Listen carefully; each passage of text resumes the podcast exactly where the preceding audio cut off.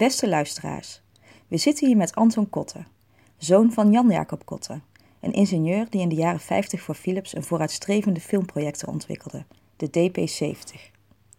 Het was een klein technisch wonder dat hoge ogen gooide in Hollywood en waarvoor Philips in 1963 zelfs een technische en wetenschappelijke Oscar in de wacht sleepte. Anton Kotte kreeg de Oscar van zijn vader, maar hij leende hem uit aan het Philips Museum voor de tijdelijke tentoonstelling En the Oscar goes to Philips. Nou, Anton, fijn dat je ons mee wilt nemen in het bijzondere verhaal over Philips, jouw vader en de Oscar. Maar voordat we over die Oscar gaan praten, is het misschien goed om eerst even een flinke sprong terug in de tijd te maken. En mensen zullen Philips misschien niet meteen associëren met cinema, maar toch was cinema in de jaren 30 al heel actief op dit gebied. Zou je wat over die beginjaren kunnen vertellen? Ja, mijn vader is in 1928 bij Philips gekomen, in dienst gekomen. Ik heb boven zijn aanstellingbrieven nog liggen. En toen was Philips al bezig met het ontwikkelen van filmprojectoren, maar op bescheiden kleine schaal. Men eh, zat eigenlijk, was een afwachting van eh, of de geluidsfilm er zou komen. Daar zagen ze brood in en pas als die er was, wilden ze de, de projector ook breed gaan ontwikkelen. En eh, daar zijn een paar geluidssystemen geweest, zoals het zogenaamde Miller-systeem, met twee aparte schijven bij de projectoren. Maar je begrijpt, dat liep nooit zo geweldig synchroon.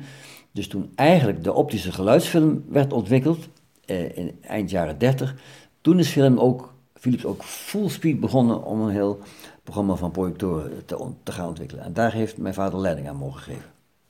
Oké, en want ik hoorde ook iets over een eigen filmstudiocomplex, klopt dat?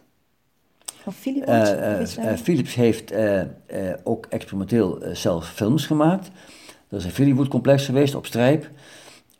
Men had ook filmmakers in dienst die beroemd zijn geworden vanwege hun, hun, kundige poppenfilms die ze gemaakt hebben. George Paul was er een van. Martin Toner heeft natuurlijk veel reclamefilms gemaakt, allemaal ook voor Philips. Waar Philips ook een stukje reclame in stopte van scheerapparaten, van radio's, van, van allemaal dat soort apparatuur. Daar eindigt het dan vaak mee. En ja, er zijn hele bekende poppenfilms die, als je ze nou ziet, dan zeg je dat ze die in die tijd hebben kunnen maken. Want daar was natuurlijk nog geen elektronica beschikbaar. Hè? Alle bewegingen werden beeldje voor beeldje opgenomen. Poppetjes werden uit hout gesneden. Cavalcade, dat is een soort, een soort uh, een van de bekendste reclamefilms van Philips. Als je ziet dat gemaakt met die dansende dames en die dansende heren dat het in die tijd kon, dat was nog eens een prestatie eigenlijk. Maar we hadden dus geen elektronische hulpmiddelen ter beschikking. Ja, oh, bijzonder. Ja. Oké, en um, uh, die filmprojectoren, zijn je in 1934 dan mee begonnen met de FP-serie? Ja, uh, toen mijn vader kwam waren er al mensen bezig bij Philips met projectoren. Maar dat waren dus eigenlijk projectoren waar nog geen geluid bij was. En uh, de blokpost was een van de eerste benamingen van die projecten. Dat noemden ze geloof ik die tijd de FP3 en, uh, en de FP4. Maar al gauw ontstond het idee toen die geluidsfilm was, kwam dat ze een serie projectoren wilden ontwikkelen van klein tot groot, om maar zo te zeggen. En men heeft dus projectoren weten ontwikkelen van 16 mm, niet voor de huiskamer, maar voor uh, de porgiehuizen, uh, voor de culturele centra. Toch een professioneel apparaat, 16 mm film. En men is begonnen toen met de echte serie voor de bioscopen. Allemaal 35 mm apparaten de FP5, de FP6, de FP56 en de FP7. Allemaal om een grote bioscopen de film te kunnen laten draaien. En die zijn echt, zo rond tegen de oorlog aan, zijn die allemaal in ontwikkeling genomen. Met, met het hoogtepunt, de DP70, die dus in 1955 uh, op de tekentafel lag. En uh, in opdracht van de twee Amerikanen. En ja, en zo is het verder gegaan eigenlijk. Ja, hoe is dat eigenlijk zo gekomen, dus met, die uh, eh, DP70? Dat was eigenlijk een innovatief hoogtepunt, zou je kunnen zeggen. Ja. En dat is, um, ja, hoe zag de filmwereld er in die tijd uit? Waarom was er zo'n behoefte aan zo'n... Nou, in, in, die tijd, ik praat nu over 1953, uh, uh, kwam voor het eerst de televisie op natuurlijk. Hè? En men, men, zag in de televisie uh, een grote concurrent dat mensen zouden thuisblijven en niet meer het huis uitkomen om naar de bioscoop te gaan. Ja. Dat was natuurlijk het probleem, want ja. de hele filmindustrie draaide erop dat mensen naar de bioscoop gingen. Dus men wilde ook eh, nieuwe technieken in, in, de, uh, in de bioscoop kunnen laten zien. Niet meer het gewone geluid, nee, maar echt stereofonisch geluid. Niet maar een klein beeldje, nee, maar een heel groot beeldje. En daar kwamen ontwikkelingen. Het, het, normale, het normale filmbeeld werd al vervangen door de zogenaamde cinemascoopbeeld. Dat was bijna twee keer zo breed. En eh, misschien kennen mensen nog wel die beroemde reclames van Peter Stuyvesant, van het sigarettenmerk, eh, in New York gemaakt, vanaf de Hudson gemaakt, dat, eh, die reclame, hè, met die mooie slogan. eh, u geniet zoveel meer, dat mag je vandaag de dag niet meer zeggen bij het sigarettengebruik. Maar dat was een hele, hele belangrijke ontwikkeling om, om film maar aantrekkelijker te maken voor het publiek. Nou, er waren nog meer ontwikkelingen. Men, men, men had zelfs bedacht, we gaan een paar beelden aan elkaar plakken. Krijgen we nog een breder beeld. Maar ja, dan zag je toen toch de scheidingen. En toen waren er twee mensen, die toch een, waarvan de een een lens had gemaakt voor een 70 mm camera. En die werd gesteund door de directeur van eh, MGM in de tijd. En die kwamen naar Philips in Eindhoven. Want daar was enige bekendheid dat men daar filmprojectoren maakte. En die hebben aan Philips gevraagd, ja, wij willen, wij willen een projector maken die zowel 70 mm kan draaien als 35 mm kan draaien. En dat moet, moet een groot beeld worden. En daar is eigenlijk de, de kiem gelegd om eh, eh, mijn vader, die zich dus terugtrok op een zolderkamertje. En daar ging ze tekenen een jaar lang. Om, om die projecten eigenlijk te ontwikkelen. En af en toe ging hij op zijn fiets met de, met de koker met tekeningen naar Philips toe. Om dat te laten kalkeren, zo heet dat in die tijd. Moesten er vaak dames die dat overtrokken. En dan kon het gedrukt worden. Ja. Maar het, het merkwaardige is dus eigenlijk dat, eh, praat nu over de begin 50 jaren, mijn vader een jaar lang op dat zolderkamertje gewerkt heeft. En ik zeg altijd wel eens vandaag de dag, hoezo thuiswerken in 1955? Hè, dat is natuurlijk een heel merkwaardig iets eigenlijk. Hè? Ja, hij liep zijn tijd ver vooruit. Ja, een groot tekenbord op de zolder laten plaatsen. eh, een oliekacheltje erbij om niet helemaal in de kou te zitten. We hadden natuurlijk nog geen centrale verwarming in het huis op dat moment. En daar heeft hij een jaar lang gewerkt. Ja. En even terug naar die, ehm, die mannen die aanklopten. Want ik hoorde dat was ook Michael Todd. Dat was Michael Todd. Dat Ja. was dus eh, eh, de man, de baas van American Optical. Dat is de, de lensindustrie van Amerika aan die tijd. En dat was eh Mr. Seguras. Dat was toenmalige directeur van MGM in, eh, in Hollywood. En die, eh, die hebben beide het initiatief genomen om eh, deze vraag bij Philip neer te leggen. En wat was waar ze precies naar op zoek waren? Zij waren naar, naar, het belangrijkste punt was eigenlijk dat, dat idee van dat grotere beeld, dat vond iedereen prachtig, maar dat moest één groot beeld zijn en niet aan elkaar geplakte beeldjes. In die tijd eh, spraken we over het Cinerama-systeem, dat was drie beelden aan elkaar geplakt, daar zag je de, de scheiding tussenin. Dat wilden ze niet, vandaar dat hij ook die lens voor 70 mm bedacht had, maar er moest een projector bij komen. Ja. En die hadden ze niet. Ja, En toen, moest, ja, toen zijn ze bij Philips uitgekomen. oké. En had het ook nog iets met geluid te maken? Of eh, was... Ja, eh, we hebben in die tijd hadden we natuurlijk de geluidsfilm, die hadden we al. Dat was de zogenaamde optische geluidsfilm. Dat was een geluidsspoor op de film, wat met een lampje werd het geluid afgetast. En dan, dat was een normaal radiogeluid, zeg maar eigenlijk. Maar men wilde ook betere geluidseffecten. Dat moest stereofonisch worden. En dat kon dus niet optisch, dat moest magnetisch. Vandaar dat die projector ook een magnetisch geluidsspoor moest hebben. Om dat geluid eh, full swing in de hele zaal goed te kunnen laten horen. Dat van alle kanten uit de zaal dat geluid gehoord kon worden als je naar de film keek. Ja, Met andere woorden, als er dus een, een, eh, eh, een, een tank aankwam rijden op het doek, dan moest je van achter horen dat hij aankwam rijden. Als je in de zaal zat eigenlijk dus, hè, om dat ruimtelijke effect te creëren daarmee. ja. Het is eigenlijk het gevoel alsof het gewoon door de bioscoopzaal heen Ja, dendert. ja. Dat was het geval, ja. Dat klopt eigenlijk, ja. En dat zijn eigenlijk de grote dingen die, eh, waarmee eh, de DP70 dus ehm, ja, voorliep op de concurrentie, zou kunnen zeggen. Of op de, de apparatuur die daarvoor aanwezig was. Eh, nou ja, ze hadden al het hele familieprogramma hè, van, van, vijf, van 4, 5, 6, 56 en 7 was al ontwikkeld. En eh, dit kwam dus ook geroepen om een nieuwe innovatieve stap te kunnen maken in die tijd. Hè. Kijk, nu praten we over het woord innovatie. Maar dat woord bestond toen nog helemaal niet, het woord innovatie. Hè. Men, men zei, ja, we gaan, we gaan wat vernieuwen en zo. Hè. Dus eh, eh, dat was nieuw, zowel qua beeld als geluid. Nou, Philips heeft die opdracht aangenomen en is daarmee aan de slag gegaan. En, dat- en die projector is gemaakt. En eh, in, eh, in de 50 jaren is dat ding dus, eh, een aantal van die projectoren zijn naar de Verenigde Staten verscheept. Want daar moest de première plaatsvinden van die projector. En de film die Michael Todd daarvoor gemaakt had, althans die had camerawerk verricht. Welke film was dat? De eerste film die daar- daarmee en deze projecten gedraaid heeft, was in het Rivoli Theater op Broadway en die heette Oklahoma. Oh, echt veel klassieker. Dat was echt, in die tijd was dat van het toneel een, hele musical klassieker eigenlijk. Hè? Ja, En die hebben ze toen verfilmd. al bijzonder. Ja. En heeft die, eh, heeft die projector ook nog op een bepaalde manier echt een eh, stempel gedrukt op het filmlandschap?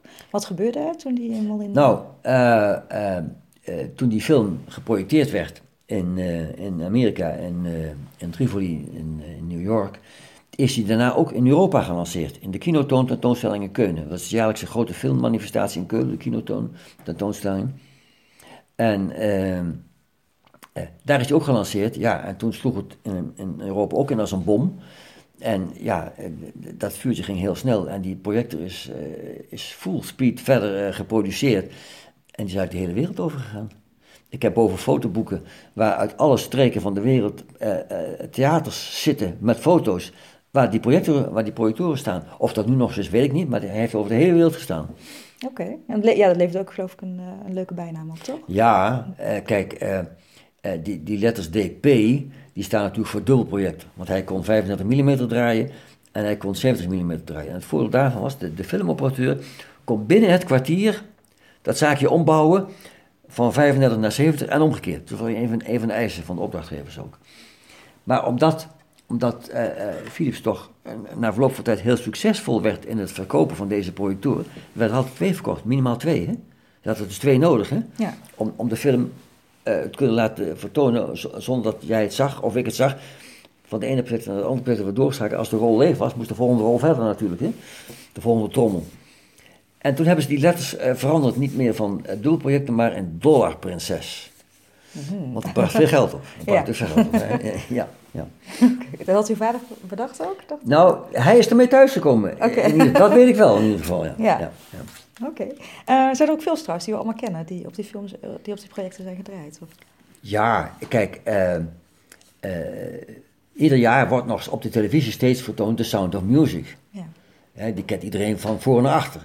Maar die film is in oorsprong op 70 mm opgenomen. En dat geldt voor De Mantel, The Rope van Cecil B. DeMille. Dat geldt voor Spartacus. Dat geldt voor Ben Hur. Dat geldt voor South Pacific.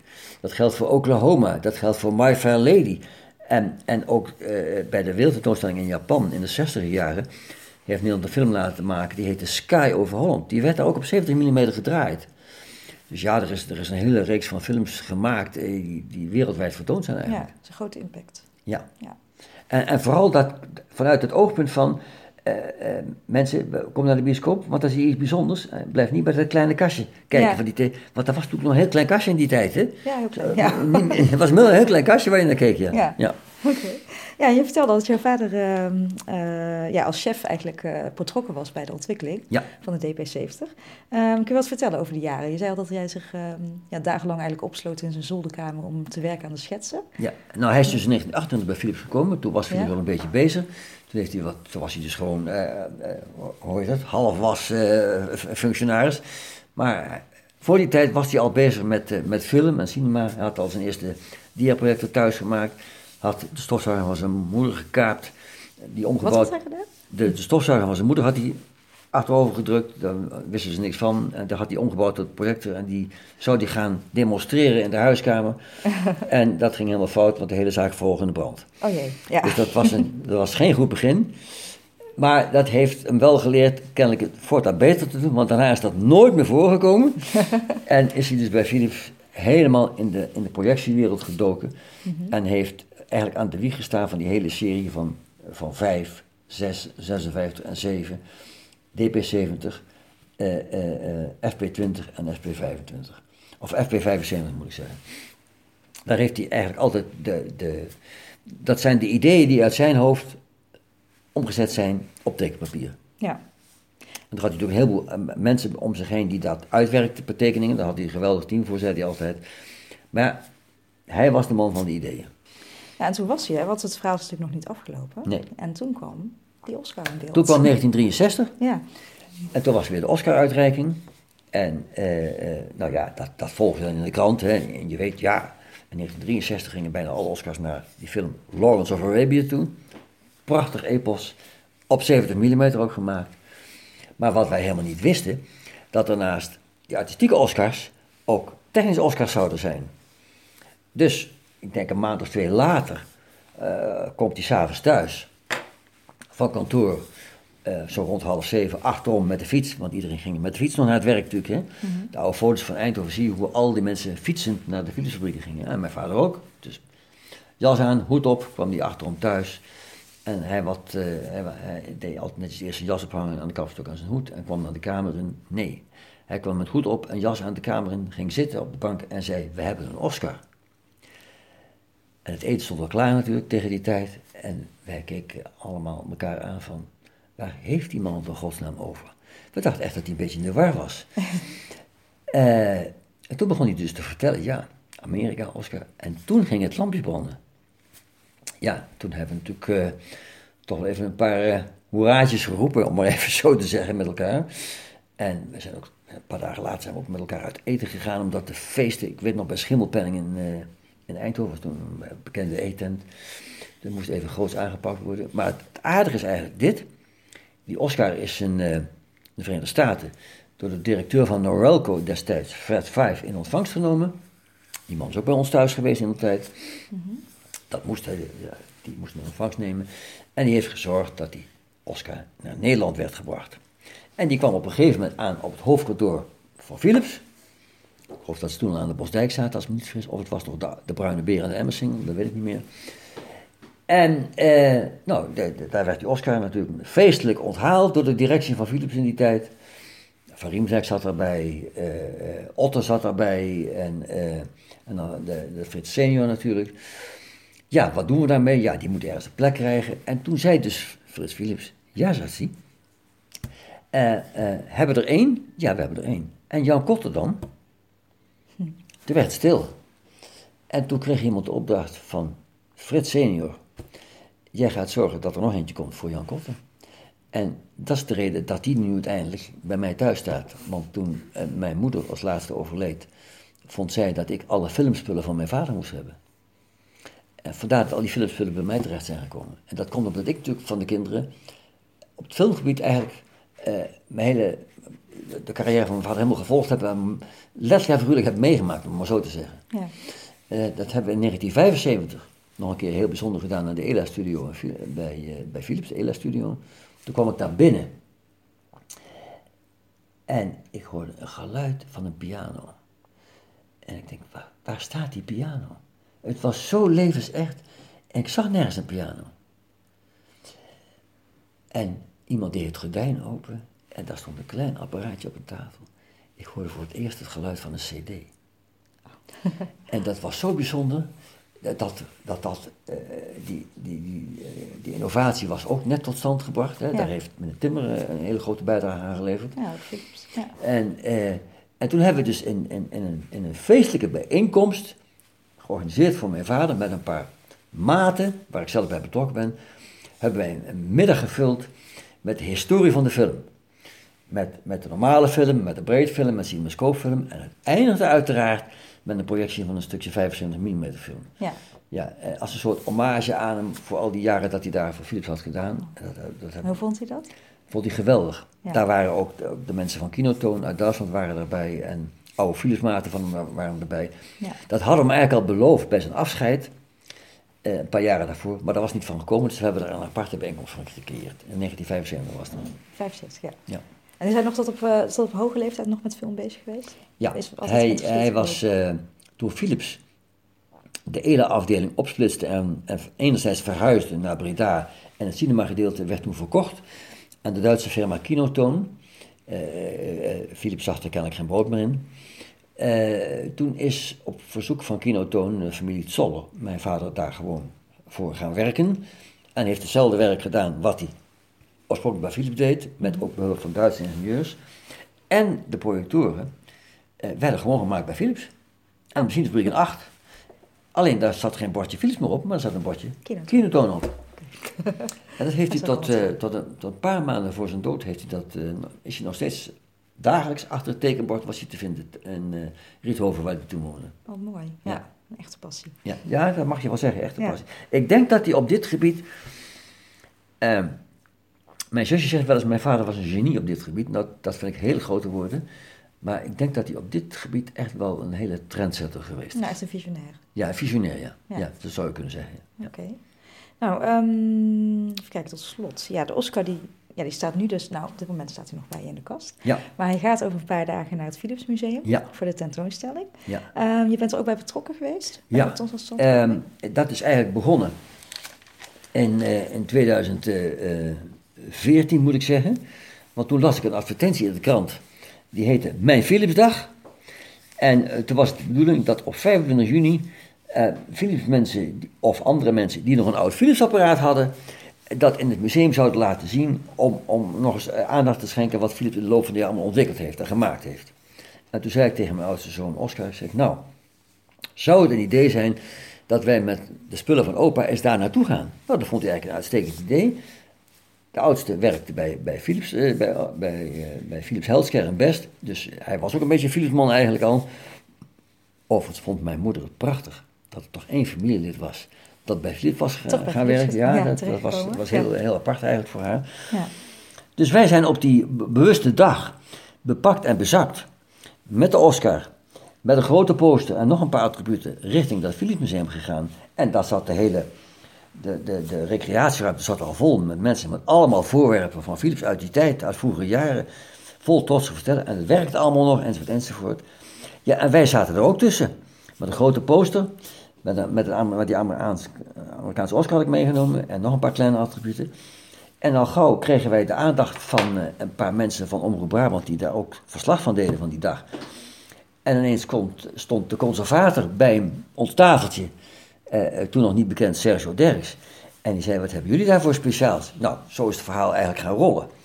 We zijn toen voor de radio geweest en we zijn een filmopname gemaakt van, van Oscar en mij over deze projector.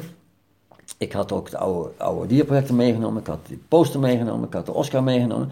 Dus daar werd geïnterviewd via. En daar is uh, van die hele dag heeft Omroep Brabant een film gemaakt. Met al die attributen erin. En wij zitten als stukje daar dus ook in. En uh, die film is in augustus van dat jaar uh, eigenlijk vertoond. En daar zie je dus hoe wij daar een bijdrage hebben geleverd in deze dag. En dat is ook weer de bron geweest voor Sergio Derks om te bedenken. Ja, maar er zijn maar weinig mensen die een Nederlandse Oscar hebben. En er zijn er maar drie. Dat is Fons Rademakers. Mm -hmm. Die heeft het boek De Aanslag van Harry Mulisch verfilmd, daar heeft hij Oscar voor gekregen. Ja. En dat is Willeke van Ammerooy. Voor haar rol en Antonia heeft zij. Antonia, een, een, ja. hè? En, en, en mijn vader een technische Oscar. En als je kijkt naar het overzicht van de Amerikaanse Oscars, dan zijn er wel Europeanen die een artistieke Oscar hebben gekregen, maar technisch, nou, op één hand te tellen in Europa. Alles ging naar de Verenigde Staten. Dat is wel logisch, maar goed, eh, zo ging het in die tijd. Dus de, dit ding is voor Philips ook ondanks dat ze een grote prijskast hebben, is het toch een hele bijzondere prijs eigenlijk altijd geweest. Ja. En daar gaan we dus nu, heeft, heeft Sergio een ontwerp voor gemaakt voor een uh, tentoonstelling. En die mag ik dus op 1 maart uh, mede openen aanstaande. En dan is het verder de bedoeling uh, dat er ook nog een keer een avond een lezing wordt georganiseerd over het hele gedoe rond die projector, de, de DP70. En dat gaat op 26 april gebeuren. Dan hou je de lezing. Dan hou ik de lezing, ja. ja. En dan kan ik uh, uh, in ieder geval een lezing houden waar, waar ik nog veel meer dingen kan laten zien. Er staat wel een levensechte projector. Die komt uit, uh, uit de buurt, uit Gelderop vandaan, met, met een filmofiel, laat ik het dan zomaar zeggen eigenlijk. Hè. Ja. Mannen die ik ook al jaren dag ken, die altijd met film bezig zijn geweest. Operateurs zijn geweest van het Plaza Futura in Eindhoven. En, en ook de Plaza Futura is nu verhuisd naar het oude Noordlab van Philips. Hè. Daar is ook een nieuw centrum ingericht ook voor gewerkt. Ja, die hebben allemaal nog oude apparatuur thuis ja. staan. Hè? En die hebben ook een eigen bioscoopzaaltje thuis ingericht in de garage, oh, zeg maar eigenlijk. Ja. dus dat is echt een filmofiele wat dat ja, betreft. Dat is ja. ja. dus daar kunnen mensen een echte DP70 ook gaan aanschouwen. Ja, ja. Dat, die, die is dan in de zaal, want dat, we doen het om die DP70 heen. Maar ik zal ook een, ook een heleboel voorwerpen meenemen en laten zien, en foto's laten zien. Ja. Ik ga dus echt die, die lezing uh, uh, uh, eigenlijk helemaal inrichten uh, met heel veel beeldend materiaal, zeg maar eigenlijk. Hè? Oh, prachtig. Ja, okay. dat, is, dat, dat is de bedoeling. Oké, okay. nou het lijkt me een hele goede noot om af te sluiten. Goed zo. Uh, heel erg bedankt voor het mooie verhaal en heel fijn dat je het met ons uh, wilde delen. En ik wens je heel erg veel plezier bij, het, uh, bij de lezing in het Philips Museum. Dat zullen we ongetwijfeld hebben. Oké, okay, mooi.